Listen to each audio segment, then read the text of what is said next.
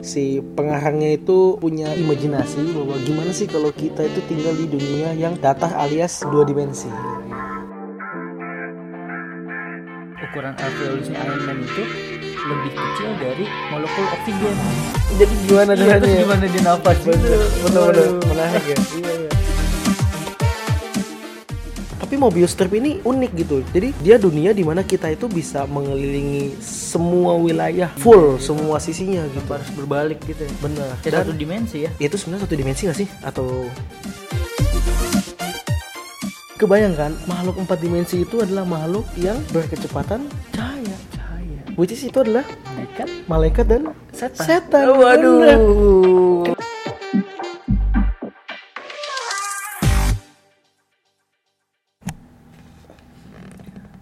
Oke guys, welcome back to my podcast. Yo, Yo. Eh, balik lagi ketemu gue di sini Muji. Dan gua Aliando. Siap, Aliando. Ya, dengan gua uh, Adi alias Marcel alias Aliando. Oke. Jadi gue panggil lu Ali aja ya. Ali. Dari ngobrol matematika yes.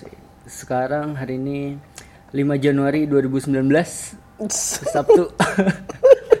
Yoi. kemarin, waduh kemarin kita udah ngebahas tentang paradoks. Yoi. Paradoks tentang banyak ya. Ada Pinocchio, Yo, ada juga Maling. paradoks kidnapper, Kidnapper. apa penculik, penculik anak. Waduh. Iya, sampai omnipoten Tuhan nggak bisa membuat batu apa itu Sampai kita ngebahas tentang bohong, ya kan? Bo- suku, jujur dan bohong ya itu di mana ternyata eh, nggak baik ya guys kalau ada di suku bohong tuh banyak dosanya ya Waduh, janganlah. Nanti masuk sinetron azab-azab iya benar oke sekarang kita mau bahas apa nih gini. Jadi gua gua mau sharing nih, Sel. Hmm. Eh, Li. Ali. Ya. Iya. Hmm. Lu pernah ini gak? Jadi ada novel gitu. Novelnya dibikin film, judulnya Flatland. Flatland gue pernah dengar Oke. tapi kalau nggak salah tentang dunia datar itu bukan sih Iya, dunia datar. Iya kan? Karena flatland artinya oh iya benar iya datar. iya benar Jadi lu cuma bukan bukan. iya iya iya enggak enggak jadi sekilas yang gue tahu ya Hmm. jadi di mana apa namanya novel ini diceritain tuh bahwa si pengarangnya itu eh, punya imajinasi bahwa gimana sih kalau kita itu tinggal di dunia yang datar alias dua dimensi Yoi. ya gitu kan kita kan sekarang hidup di tiga dimensi nih Oh, masa sih bumi tuh nggak flat? bumi tuh Nggak. bumi nggak nggak flat gua sih beranggapan bahwa bumi itu nggak flat Oh gitu. iya harap. mungkin hidup lu yang flat jadi gitu ya Tinggal beli Citato aja. Iya Nggak flat. Yo, iya. Mungkin Citato bisa sponsorin kita. Udah disebut nih. Iya. Nah, jadi Kayak tadi gue dulu apa lu dulu Oh, yang cerita? Ya, sorry. Ya udah, jadi se- setahu gue itu sih. Jadi eh, imajinasi bahwa sebenarnya ini pandangannya menarik gitu ya. hmm, Gimana sih coba kalau misalnya kita hidup di dunia dua dimensi.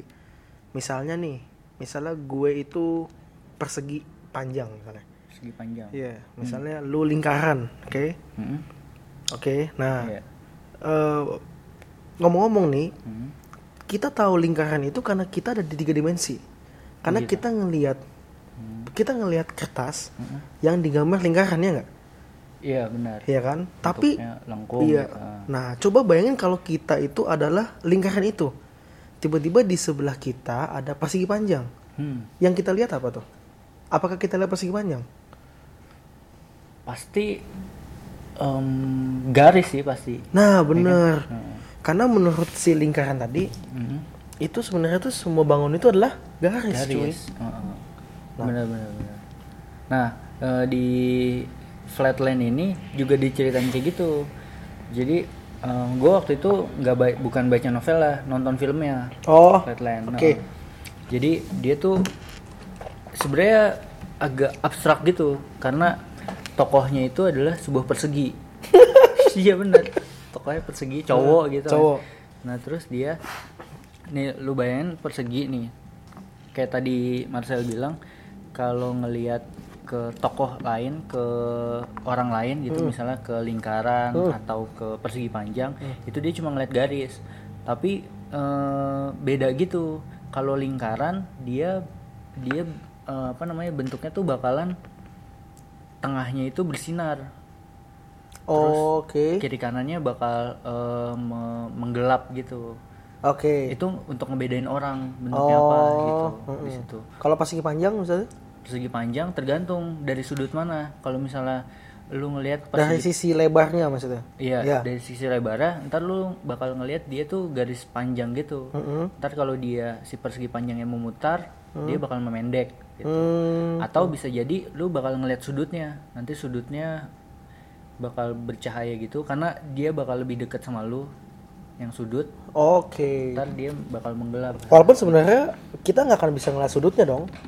Ya kan? Sudut itu Oh, kan nggak bisa dari perspektif harusnya dari perspektif tiga dimensi ya nggak sih? Iya, bertiga dimensi. Iya, heeh. Tapi ini dia di ceritanya ngasumsinya gitu untuk ngebedain eh, masyarakat lain gitu. Oh iya benar-benar. Jadi ceritanya sudut itu bagian yang lebih dekat ke kita itu ditandai oleh gelap dan terang. Iya, sih. benar. Ya, oke.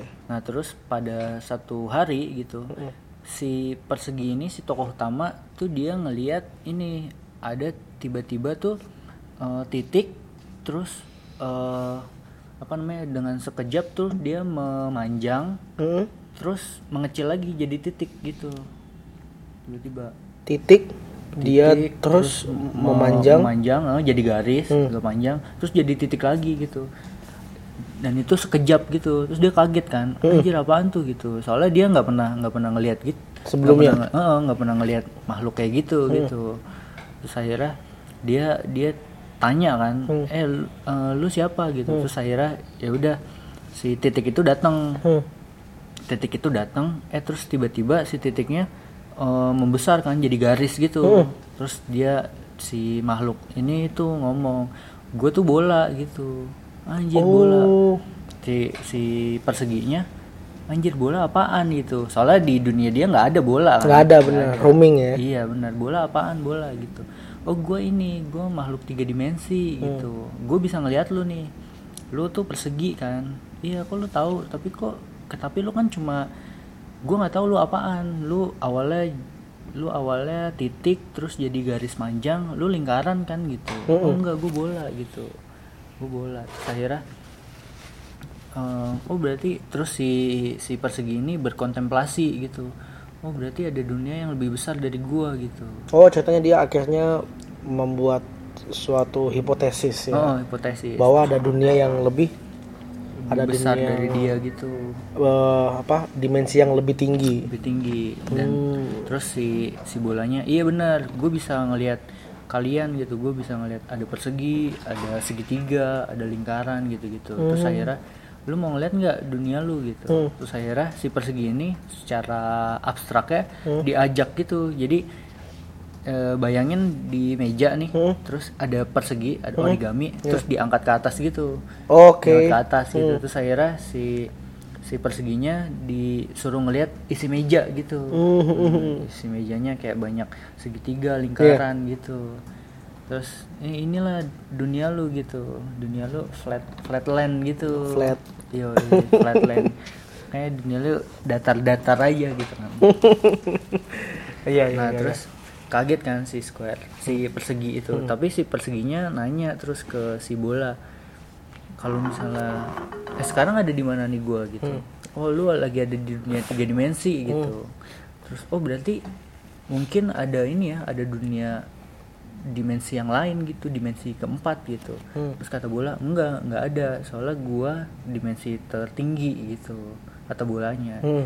tapi itu ending filmnya tuh si perseginya si perseginya ditinggalkan dengan keadaan bertanya-tanya gitu ah gue nggak percaya nih sama bola pasti ada dimensi yang lebih tinggi gitu Oh, tapi ya itu nggak bisa ditunjukin Iya iya. Sebenarnya itu eh, apa berkaitan banget sih sebenarnya sama sama kehidupan kita sekarang sih. Yo, Karena ya benar gitu. Kenapa bola itu tidak bi karena kenapa bola menganggap bahwa dimensi dia lebih tinggi karena dia nggak bisa melihat sesuatu dari empat dimensi sama seperti persegi yang melihat si bola. Bola, ah, iya.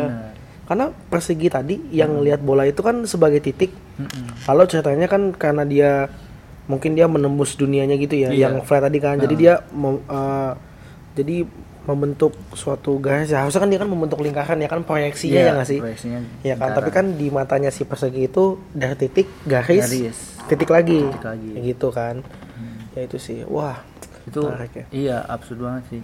Dan yang si perseginya kecewa tuh akhir apa namanya di akhir filmnya. Hmm. kenapa si bolanya itu nggak percaya padahal si bola udah ngajak dia ke dimensi yang lebih tinggi. Oh Tuh, gitu ya kan? Mungkin harusnya ya mungkin harusnya si bola juga mikir oh, mungkin ada Kenapa nggak, iya. hal yang lebih besar dari dia gitu. Wah iya benar sih. Ini filosofis banget sih. Filosofis banget ya. Waduh, berat mungkin pada waktu itu si persegi itu adalah orang yang sama kayak bola pada Iya, saat pada dia saat- dua dimensi tadi gitu karena nggak mungkin ada dimensi yang lebih tinggi Heeh. oh gitu ya benar berarti mungkin aja dong ya mungkin aja dong berarti sebenarnya di dunia kita sekarang itu ada dimensi yang lebih tinggi walaupun sebenarnya katanya sih kita tuh hidup di empat dimensi bukan sih karena dimensi keempat itu waktu gitu ceritanya. Iya benar. Banyak banyak yang bilang eh, kita tuh awalnya kan teorinya kan tiga dimensi karena panjang, lebar, Hmm. Tinggi. tinggi Hmm. gitu. Terus ternyata ada itu ada dimensi yang lain waktu. Bahkan di teori-teori yang lain tuh ada ada dimensi yang lain gitu. Ada Hmm. yang bilang sampai 11, ada yang 13 gitu. iya itu gue pernah nemu sih iya pernah nemu asik Iya, iya. di persamaan fisika gitu Ah. deh sampai dia dimensi 11 ya. Tapi gue juga nggak tahu sih dimensi yang sisanya apaan. Tapi at least dengan matematika eh, kita bisa memproyeksikan dimensi tuh sampai tahingga gitu ya kan. iya benar. Secara matematis em, ya bisa bisa dituangkan di atas kertas gitu kan. Nah itu dia. Memang kenapa sih kita terpaku di dimensi hanya tiga karena kalau mau digambar ya karena kita kebetulan hidup di tiga dimensi ya. Berarti untuk membuat bangun membuat suatu bangun data bangun ruang berarti ya itu kita hanya terbatas di tiga dimensi ya kan. Gitu. Kita bisa buat kubus di kita bisa buat kubus panjang lebar tinggi mungkin kalau dimensinya 4 udah nggak bisa digambar. Ya kan? Hmm, benar benar. Nah, ini juga menarik sih karena eh, misalnya ada suatu persamaan matematika nih. Hmm. Misalnya kan kan kalau di kalau tiga dimensi itu kan dilambangkan dengan x, y, z ya kan ya. Iya. Misalnya kalau soal banyak tuh soal-soal matematika yang SMA misalnya menyelesaikan persamaan tiga variabel ya kan. Iya. Misalnya 2x tambah 3y tambah 3z, nanti ada lagi x tambah y min z, Iya, ada tiga persamaan. tiga gitu bersama ya. nanti kita eliminasi tuh. Dan itu bisa digambar dong. Iya bisa. Bisa kan ya? Nah, kalau yang empat gimana misalnya X, Y, Z sama W misalnya. Waduh. Gimana tuh kalau Nah, itu berarti memang benar-benar hanya diselesaikan dengan cara eh, eliminasi tapi nggak bisa digambar. nggak bisa divisualisasikan? Nggak bisa divisualisasikan. Karena ya itu keterbatasan kita gitu ya. Iya. Nah, tapi ini ada pandangan lagi yang menarik nih tentang dimensi. Kenapa tuh? Gue pernah baca juga nih, kalau ternyata eh, dimensi itu bisa dirasakan eh, apa namanya eh, makhluk mikroskopis itu katanya, Hah? itu bisa merasakan dimensi yang lebih tinggi dibanding kita.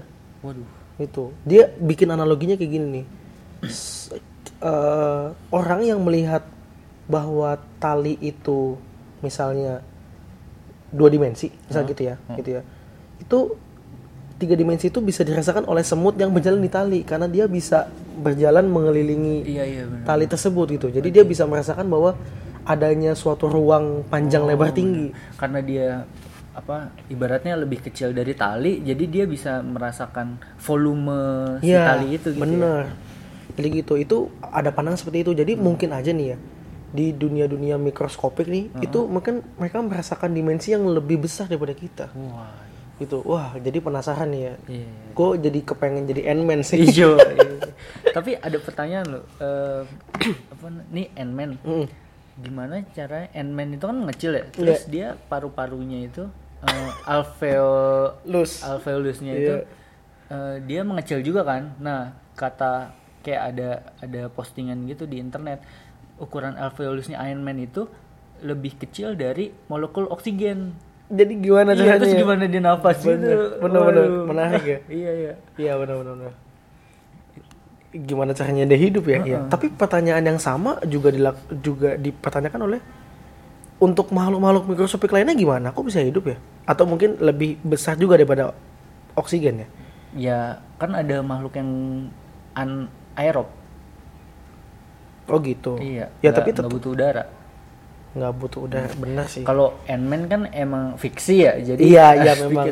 Kalau Iya, iya. yang makhluk-makhluk mikroskopik kan emang ada gitu dan Ada. ada yang anaerob, dia nggak butuh udara. Oh, oh masuk akal berarti kenapa ada makhluk anaerobnya kecil ya karena tadi ya karena memang ya Iya, dia nggak butuh udara karena udara lebih besar ukurannya daripada dia. dia dia nggak bisa menghirup udara karena dia masuk malah ke udara itu. iya benar-benar.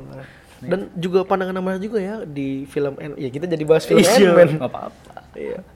Kan ceritanya gini, kan dia bilang bahwa ketika kita mengecil ya mikroskopik ya, Heeh. selain dimensi yang membesar, itu ternyata juga eh, waktu itu berhenti. Oh gitu. Iya, ini Apa coba berjalan lebih lambat? berjalan lebih lambat dan kemudian berhenti. Gue menganggap bahwa ini cuma asumsi gue ya. Iya. Misalnya gini, misalnya kita itu sekecil eh, hewan mikroskopik nih, Heeh. lalu kita ngelihat dinosaurus misalnya ya, ceritanya masih ada nih ya. Heeh. ya. Dinosaurus itu kita akan melihat dia berjalan secara lambat banget ya nggak sih? Dia ngelakin kaki itu lambat banget ya nggak sih? Sedangkan kita mungkin akan berjalan jauh lebih cepat daripada dinosaurus walaupun langkahnya memang lebih besar dinosaurus. Hmm. Tapi kita ngelihat coba bayangin nih kalau kita ngelihat sesuatu yang lebih besar nih ya, terus dia bergerak nih, pasti itu kita ngelihat dia tuh lambat nggak sih? Gitu. Contohnya di film Ant-Man aja ketika dia membesar, dia itu kayak seolah-olah menjadi lambat. Kalau gue mikirnya itu karena ini, karena apa namanya makhluk yang lebih besar itu em, butuh tenaga yang lebih besar juga untuk menggerakkan tubuhnya gitu. Dan ya, tapi kan itu kan makhluk yang sebenarnya kan ini eh, apa bergerak simultan. Maksudnya ketika lu besar nih ya, kan otot tuh juga besar dong. Berarti energinya juga besar. nah energinya tapi butuh lebih besar.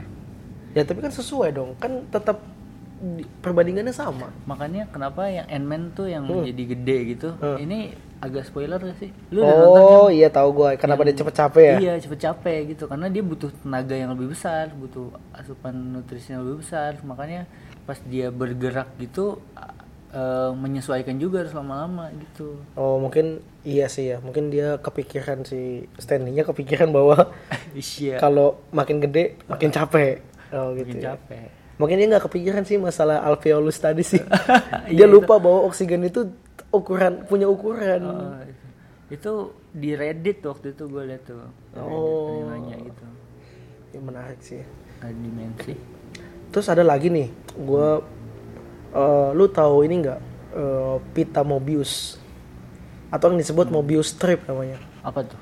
Nah, Mobius strip. jadi gini, jadi itu suatu bentuk yang ditemukan oleh yang namanya Mobius gitu ya. Oke. Itu si Mobius itu ya. Jadi gini, sebenarnya bentuk-bentuk yang udah kita tahu seperti eh, tabung, bola, kerucut kita tahu kan. Nah, ada lagi nih bentuk unik yang sebenarnya tuh sederhana banget tapi kita tuh nggak kepikiran bahwa itu tuh unik gitu.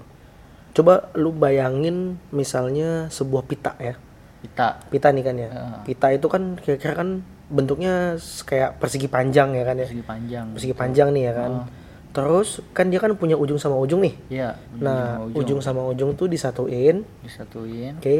Tapi sebelum disatuin tuh salah satu sisinya diputar dulu nih. Bayang nggak? Jadi ini kayak uh, Oh gini gini pita gini. nih ya. Jadi pita misalnya ada eh, pitanya tuh atasnya merah, bawahnya biru. Oh ya ya oke. Misalnya atasnya merah, bawahnya biru.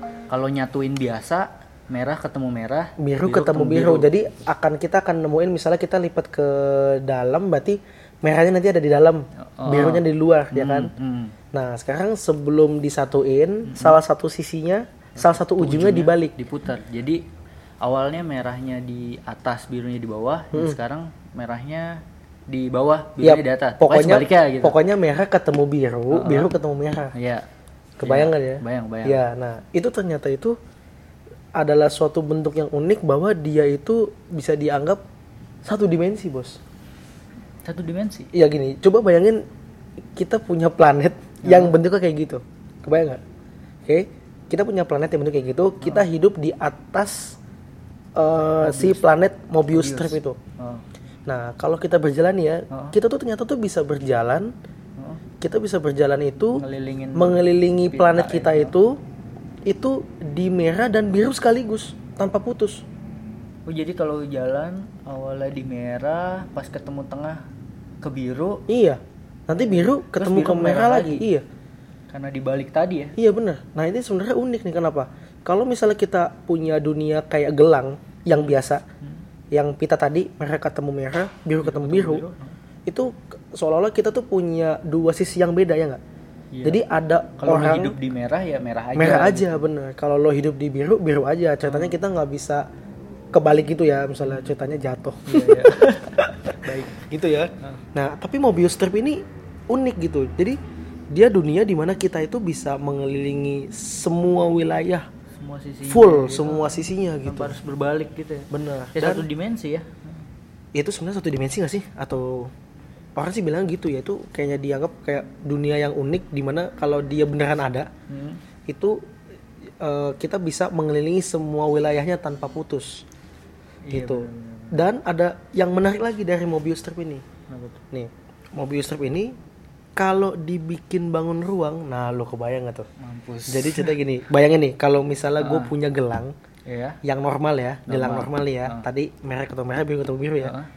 Terus tiba-tiba tengahnya nih Tengahnya. gue isi sama misalnya diisi lah sama sesuatu nih. Heeh. Jadi bentuk apa tuh?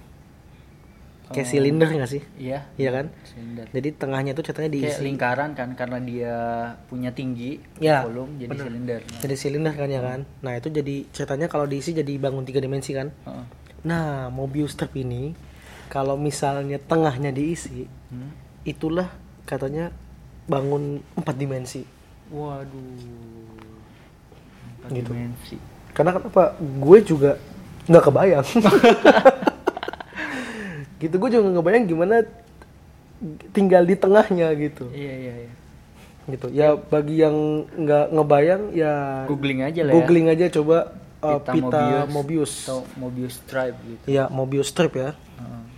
Nah itu salah satu bentuk yang unik gitu. Nah gue nemu juga nih di Wikipedia hmm. ada namanya ini lebih susah dijelasin sih jadi mendingan lu googling dah namanya Klein Battle Klein Bottle Battle. Klein. Heeh. K L E I N Bottle Oke.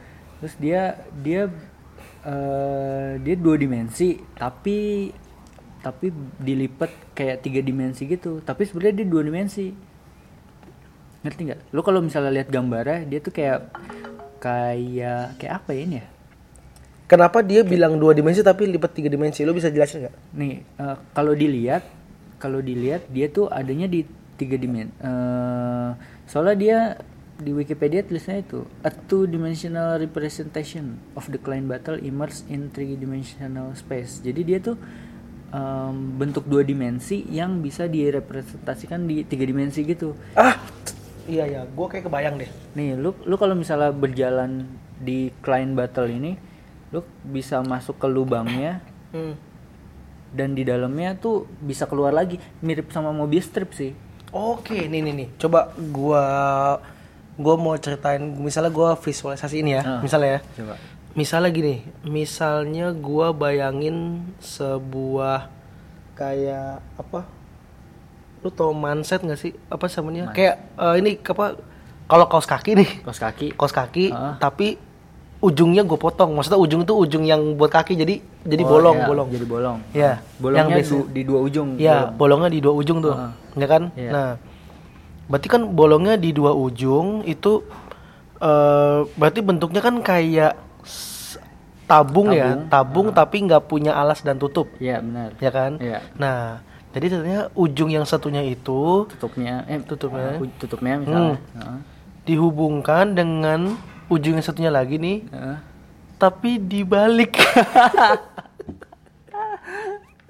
Abstrak banget tapi gua balik, jadi kayak gua lipat keluar gitu, kebayang gak sih? Jadi gini. Enggak, dia dia tuh ini cara bikinnya cara bikinnya tuh dia nggak dimasukin ke ujungnya dia dia masuk dulu ke dia masuk dulu ke salah satu sisi tabung Oke gitu. oke, ini gua coba gua ulang ya. Nih gua ulang ya. Jadi gini, misalnya tadi tuh gue punya tabung ya. tabung Kayak kos kaki tadi gue potong ya, Iya. tabung. Tadi ceritanya bahannya kain ya supaya dia bisa dilipat-lipat ya. iya oke? benar Nah, terus salah satu ujungnya itu mau gua masukin ya. Heeh. Mau gua masukin ke ujung yang lainnya. Iya. Tapi ternyata gua nggak masukin ke ujung lainnya nih.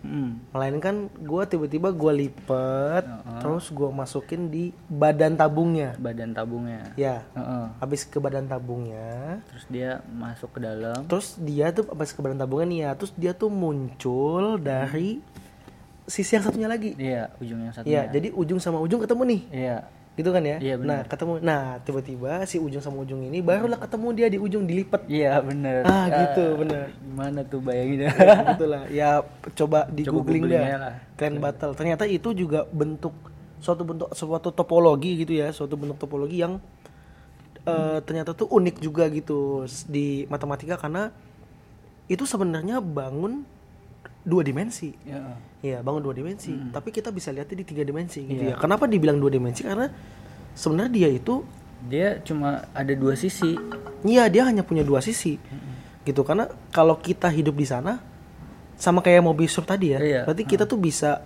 mengelilingi semua Mm-mm. semua wilayahnya ya iya kayak gitulah pokoknya gitu ya semua wilayahnya itu ya Hmm, bisa nih jadi konten nih di Instagram Instagramnya apa sih Instagram apa? Instagram ngobrol kita. matematika. Ya udah ya add ngobrol matematika. Boleh boleh boleh.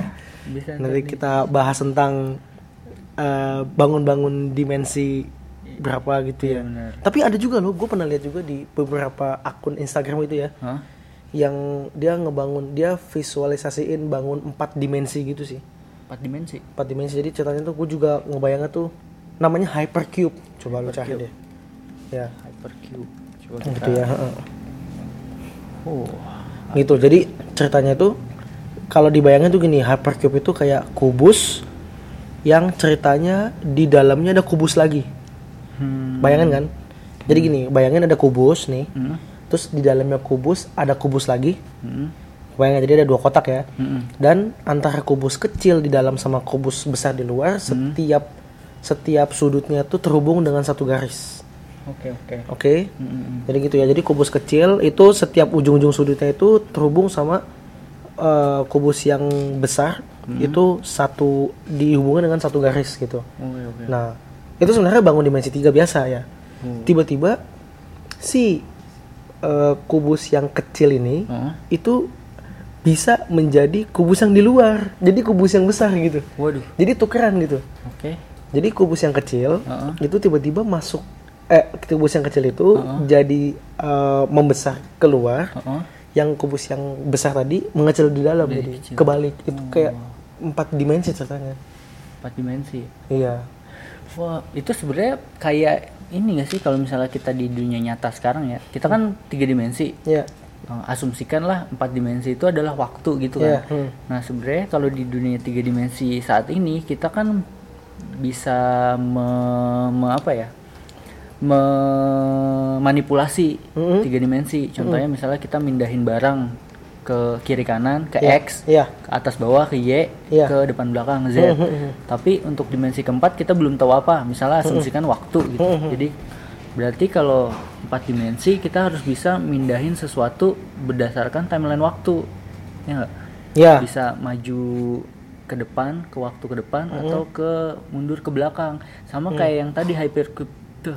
Hypercube tadi. Dia yang kecil bisa jadi besar, yang besar jadi kecil gitu.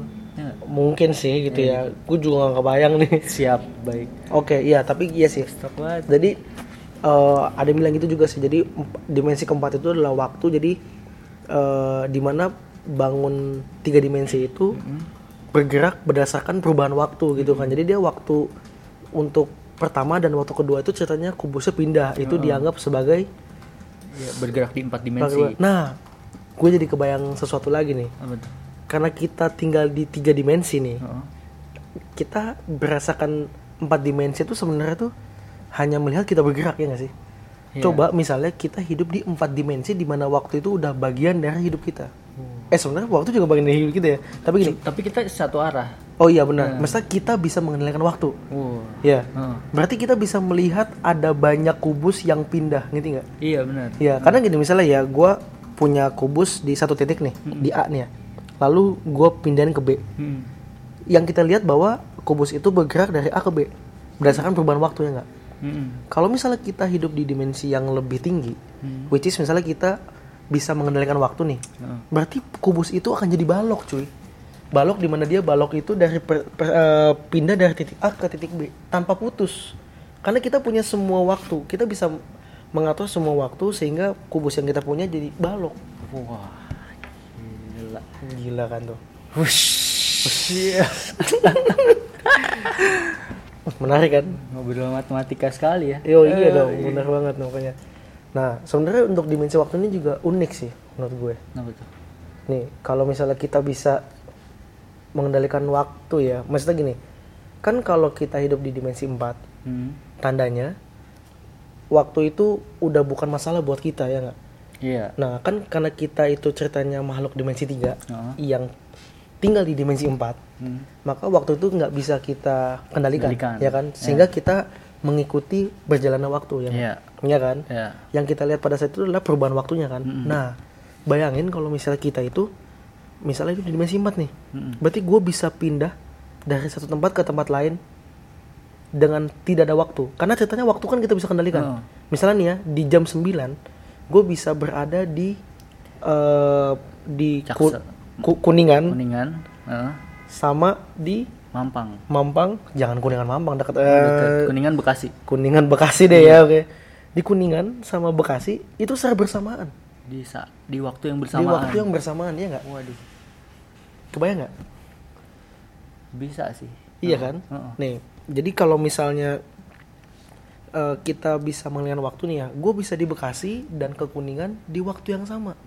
Di waktu yang sama. Itu kayak teleport tapi sekejap gitu. Yes. Sekejap. Hmm. Tahu nggak apa yang unik? Berarti gue bisa ke semua tempat nih Heeh. di waktu yang sama kan?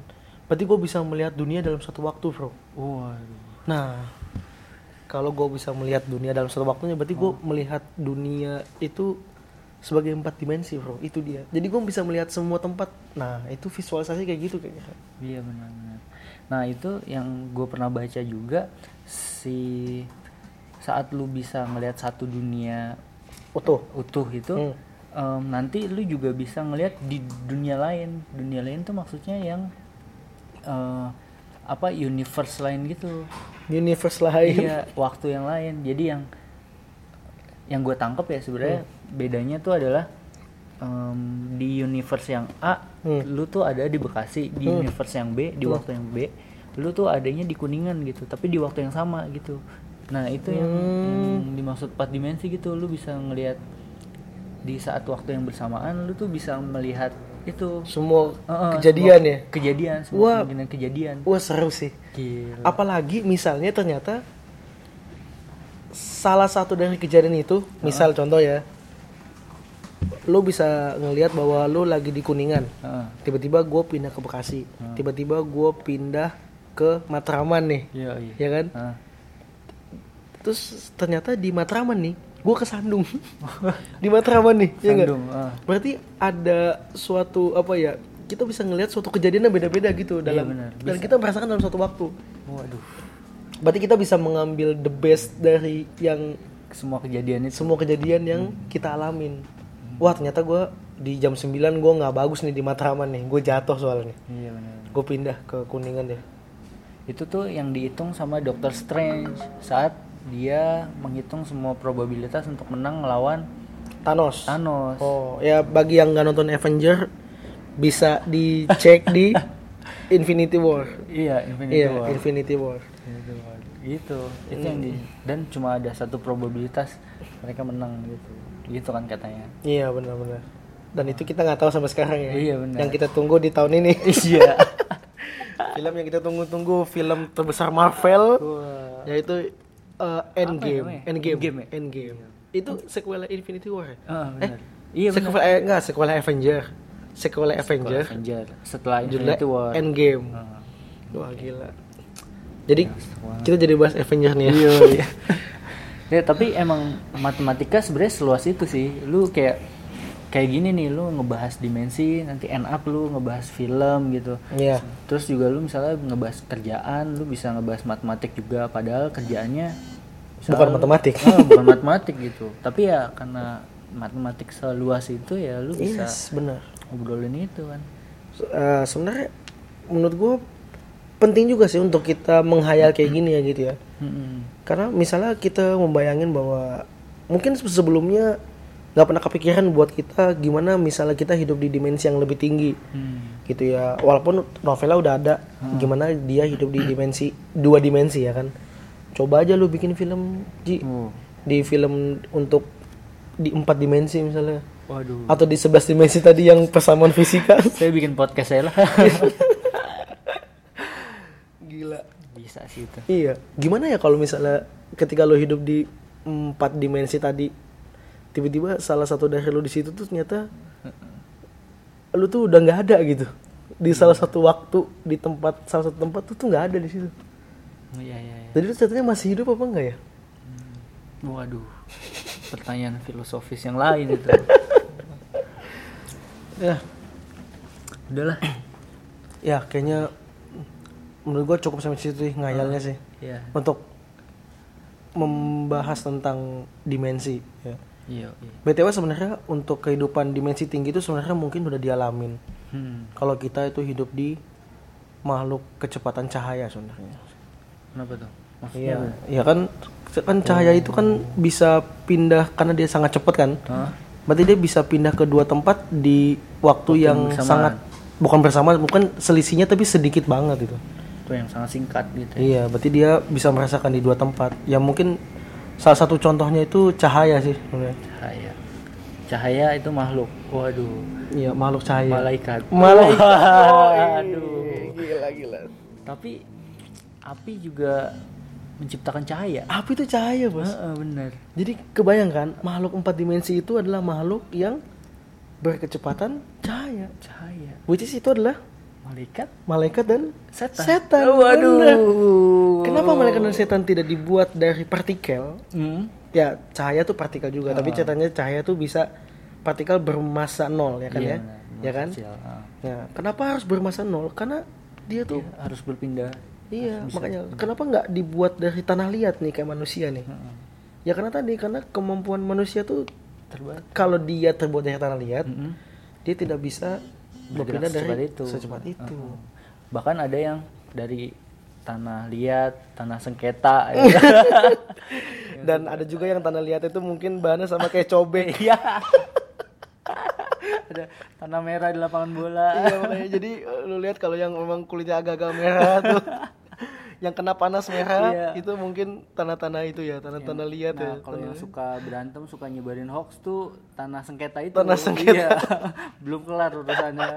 bener-bener nah, lu lihat tuh ciri-ciri manusia bisa dilihat dari tanah yang diciptakan kali ya iya benar. bener-bener hati-hati juga tuh kalau misalnya memang dia di tahan tanah-tanah yang biasanya apa tanah eh, apa sih namanya kalau apa sih cepet kering gitu tuh loh itu berarti tanah-tanah tandus tau gak lo Oke, siap. Mm-mm. kan itu kan dia agak-agak apa bergerak gitu Iya, keras-keras terus ini ya, apa namanya?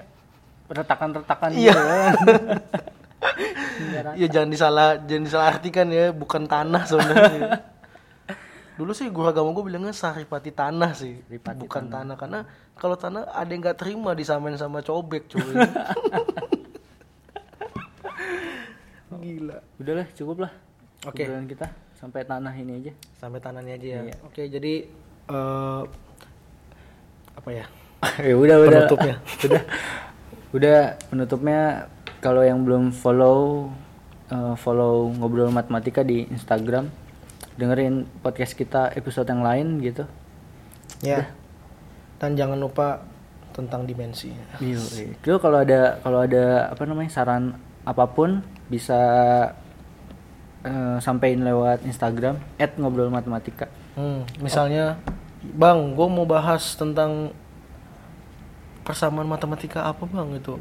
Tapi ya diusahakan jangan nanya PR ya.